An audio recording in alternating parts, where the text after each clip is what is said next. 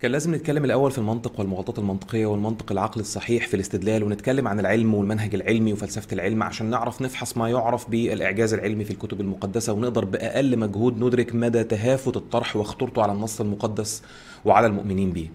لما بقول الاعجاز العلمي فأنا لا أعني به آه، فقط الإعجاز العلمي في القرآن الكريم والسنة بس لكن أقصد كل ادعاءات الاعجاز العلمي في كل الأديان لكن معظم الأمثلة هتبقى في الإعجاز العلمي في النصوص الإسلامية المقدسة لأكثر من سبب ومنها إن اطلاعي في الإسلام أكثر من اطلاعي في بقية الأديان بطبيعة الحال ومنها إن دلوقتي المسلمين هم أكثر المدعين بالإعجاز العلمي في نصوصهم. أنا لا أعتقد إن في أي دين تاني عنده حاجة اسمها الهيئة العالمية للإعجاز العلمي في القرآن والسنة. ومش بس كده أنت لو رحت لأي داعية اسلامي وسألته عن دلائل صحة القرآن الكريم مثلا هتلاقي إن أحد أهم النقط اللي هيسردها ويركز عليها هي الإعجاز العلمي في القرآن الكريم. في العصر الذهبي للحكم الإسلامي سواء العباسي أو العثماني أو غيره كان في علماء مسلمين كتير مشهورين جدا زي ابن سينا الشيخ الرئيس وكتابه القانون في الطب اللي فضل يتدرس في جامعات أوروبا لمئات السنين وفي الحسن بن الهيثم وأبو بكر الرازي والخوارزمي والبيروني والكندي وكتير كتير غيرهم علماء موسوعيين ومحدش فيهم ادعى انه جاب العلم بتاعه من القرآن والسنة. وهم كانوا أقرب زمنا مننا بكتير لعصر الصحابة والتابعين. بل والأسوأ إن معظمهم إن لم يكن كلهم اتهموا بالزندقة والكفر والهرطقة. وأنا كاتب مقال رأي مفصل عن الموضوع هتلاقوه في التعليقات. يبقى إزاي إحنا بنيجي دلوقتي ونتكلم عن الإعجاز العلمي في القرآن والسنة والناس دي المفروض هم أولى مننا بده؟ وهنا هتكلم عن بعض مشاكل في الإعجاز العلمي وهتعمد عدم الخوض في تفاصيل الإدعاءات وسرد الآيات إلا فيما نظر. عشان مش من الحكمة أننا نتتبع كل إدعاء وكل آية أو حديث يزعم أن فيها إعجاز علمي. المشكلة الأولى هي المقارنة الفاسدة. أي دين هو بالضرورة فلسفة وروحانيات وخارج عن اختصاص العلم التجريبي وبالتالي خارج عن مقاييس وضوابط المنهج العلمي اللي إحنا اتكلمنا عليه قبل كده. كما إن المنهج العلمي خارج عن مقاييس الروحانيات وفلسفة الدين اللي بتسيطر عليها بشكل واضح الإيمان بالغيبيات والوجدانيات. بالإضافة إلى أنه أي إعجاز علمي وارد في القرآن تم سرده بشكل عام جدا وبدون أي تفصيل وبدون مصطلحات واضحة بالدقة الكافية للتحقق من للتحقق من أنه علمي أصلا. وغير كافية بالشكل اللي ينفع حد يحكم عليه من الناحية العلمية بل ويمكن تأويله على أوجه كثيرة جدا كما ورد في التفسيرات. هتعمل إيه لما تقول إن الآية المعينة فيها إعجاز علمي بالنظر لاكتشاف علمي ما لسه عارفينه قريب وتقول ده مذكور عندي في كتابي وبعد كام سنة يطلع اكتشاف علمي تاني يصححه ويثبت إنه كان غير دقيق؟ كم مرة سمعت عن نظريات علمية دخل عليها تعديلات كتيرة على مر الزمن أو ثبت إن هي غلط أصلا هتعمل إيه ساعتها في ادعائك الأولاني؟ هنثق إحنا إزاي في ادعاءاتك المشابهة في المستقبل؟ ليه تحط نصك المقدس في هذا الموقف؟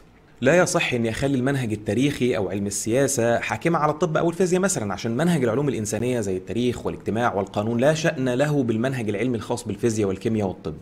وعليه فإن فكرة آه، الإعجاز العلمي قائمة على مواجهة باطلة بين ما هو مطلق وإلهي اللي هو النص المقدس وما هو نسبي وبشري اللي هو العلم التجريبي.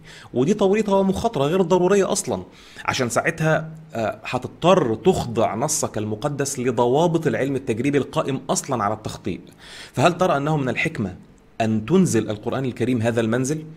هل فعلا ترغب في وضع القرآن تحت مقصلة العلم التجريبي وتقييم المجتمع العلمي اللي هم في الأول وفي الآخر بشر ووارد أنهم معظمهم أو كلهم يطلعوا بنتيجة أن ادعاء إعجاز ما فيه غلط؟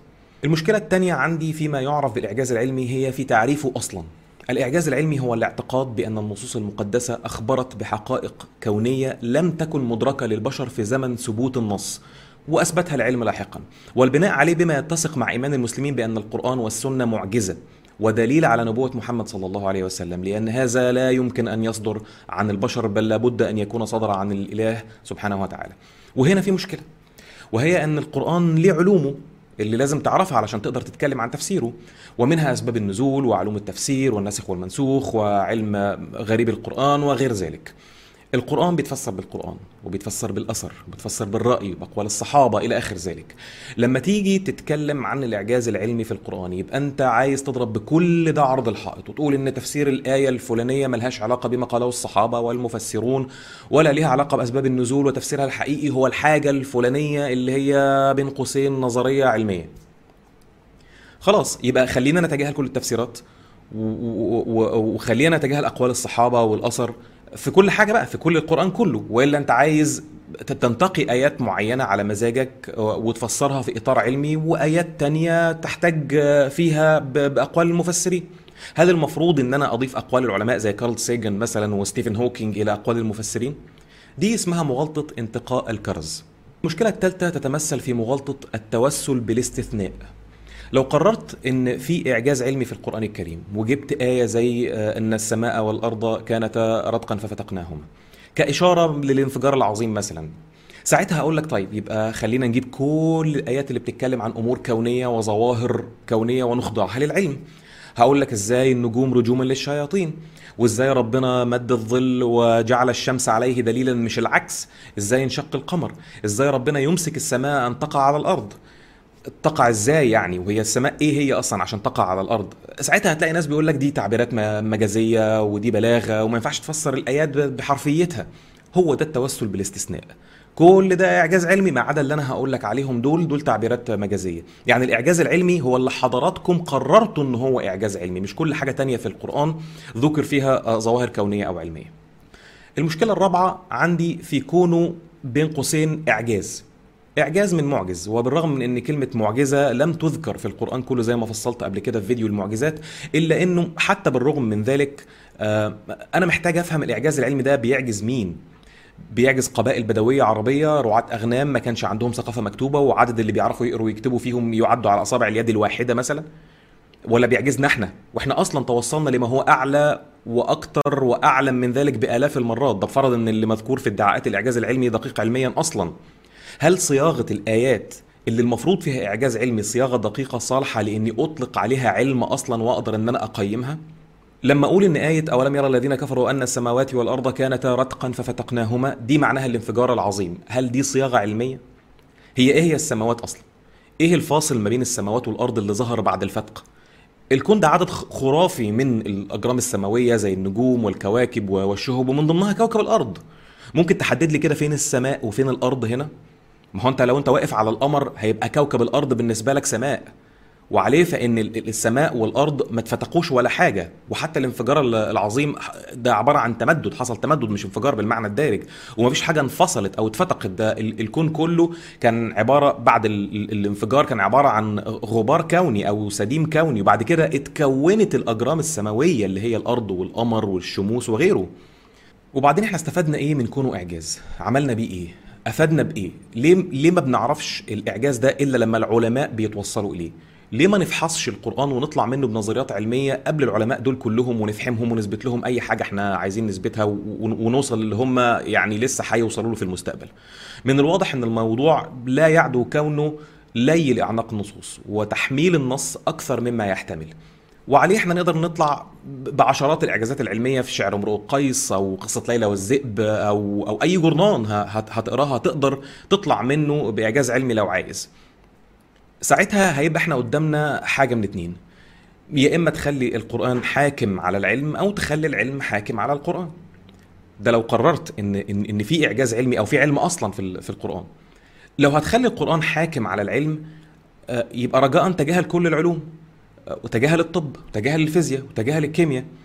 وادخل أوضتك ومعاك المصحف واقفل على نفسك وافحص القرآن واطلع لنا بعلاج للسكر أو الإيدز. امسك المصحف وانزل اعمل لنا تخطيط مدن وابني كباري واخترع مركبات فضاء وفضلنا الاشتباك ما بين النسبية والكوانتم أما لو عايز تعمل العكس وتخلي العلم هو اللي حاكم على القرآن يبقى تتحمل النتيجة اللي ممكن تسفر في الآخر عن أخطاء علمية في القرآن الكريم. طب إيه سبب هذه الادعاءات؟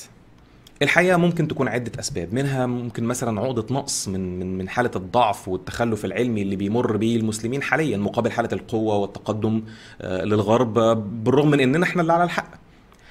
ممكن تبقى حالة من حالات استجداء التعاطف مع فكرة الدين أو محاولة لإثبات مصداقية النص أو صحة نسبته للإله. ممكن تبقى محاولة للتغلب على علامات الاستفهام المحيطة بعدم ذكر أي معجزة للنبي في القرآن والتركيز على إن القرآن فقط هو المعجزة. بس لو إحنا فضلنا نقول إن إن القرآن معجزة لغوية بس ربما لن تقنع الكثيرين لأنه نزل في وقت كانت اللغة العربية الفصحى والشعر والبلاغة هم حقيقة لهجة أهل الزمان ده. العيل الصغير بيتعلمها وبيسمعها من كل اللي حواليه وهو بيرضع يعني مش بيدرسها في مدرسة ولا ولا في كلية ولا بينبهر بيها يعني فلازم يكون في معجزات تانية في القرآن شخصيا أكتر من اللغة والبلاغة. ممكن يكون تجارة تهدف للربح والشهرة وفرض السيطرة على الدراويش وخوفا من انحسار شعبية تجار الدين وبدل مثلا ما نروح لدار الإفتاء عشان نسألهم عن حكم شرب القرفة باللبن مثلا تلاقي الناس تروح لصيدلي أو طبيب وتساله بقى عن فوائد الحاجات دي وتساله عن فوائد وأضرار جوزة الطيب وهكذا يعني. إيه أضرار الكلام ده؟ ليه ضرر؟ آه ليه ضرر. إيه اللي مضايقك ان ان حد يدعي إن في إعجاز علمي في في القرآن أو في الكتب المقدسة؟ الحقيقة الكلام ده ليه أضرار كتيرة. أول حاجة ادعاء الحقيقة المطلقة وادعاء الإعجاز العلمي أقل أضراره هو التقاعس والتخاذل عن الاجتهاد والبحث ومن شأنه استمرار حالة الجهل والتخلف اللي إحنا فيها عشان إحنا مش محتاجين علم ومش محتاجين بحث ما, ما كل حاجة هتكتشفوها هنلاقيها موجودة عندنا في القرآن فإحنا مش محتاجين إن إحنا نبحث ونتعلم زيكم. سيبهم هم يتعبوا ويجهدوا نفسهم ويدفعوا فلوس في, في الأبحاث وبعدين إحنا في الآخر لما بعد ما يطلعوا بحاجة نبتسم كده ابتسامة بلهاء وإحنا قاعدين كده مفخدين على الكنبة ونقول لهم الكلام ده إحنا عندنا في القرآن من 1400 سنة.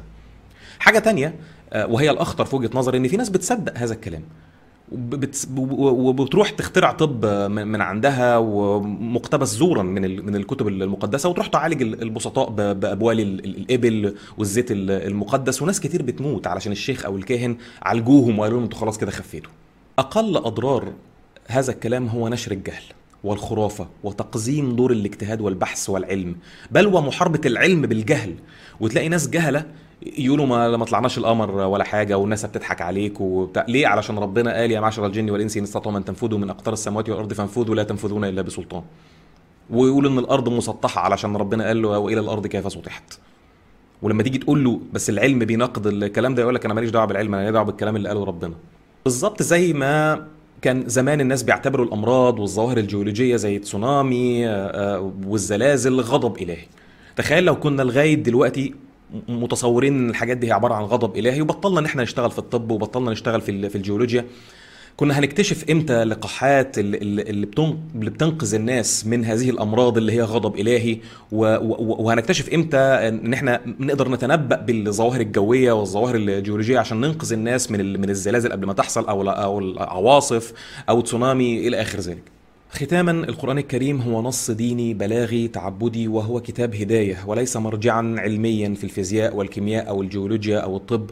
وإنكار الإعجاز العلمي في القرآن ليس كفرا ولا زندقة بل تنزيه للقرآن الكريم عن الاصطدام والاشتباك مع, هو مع ما هو أقل منه.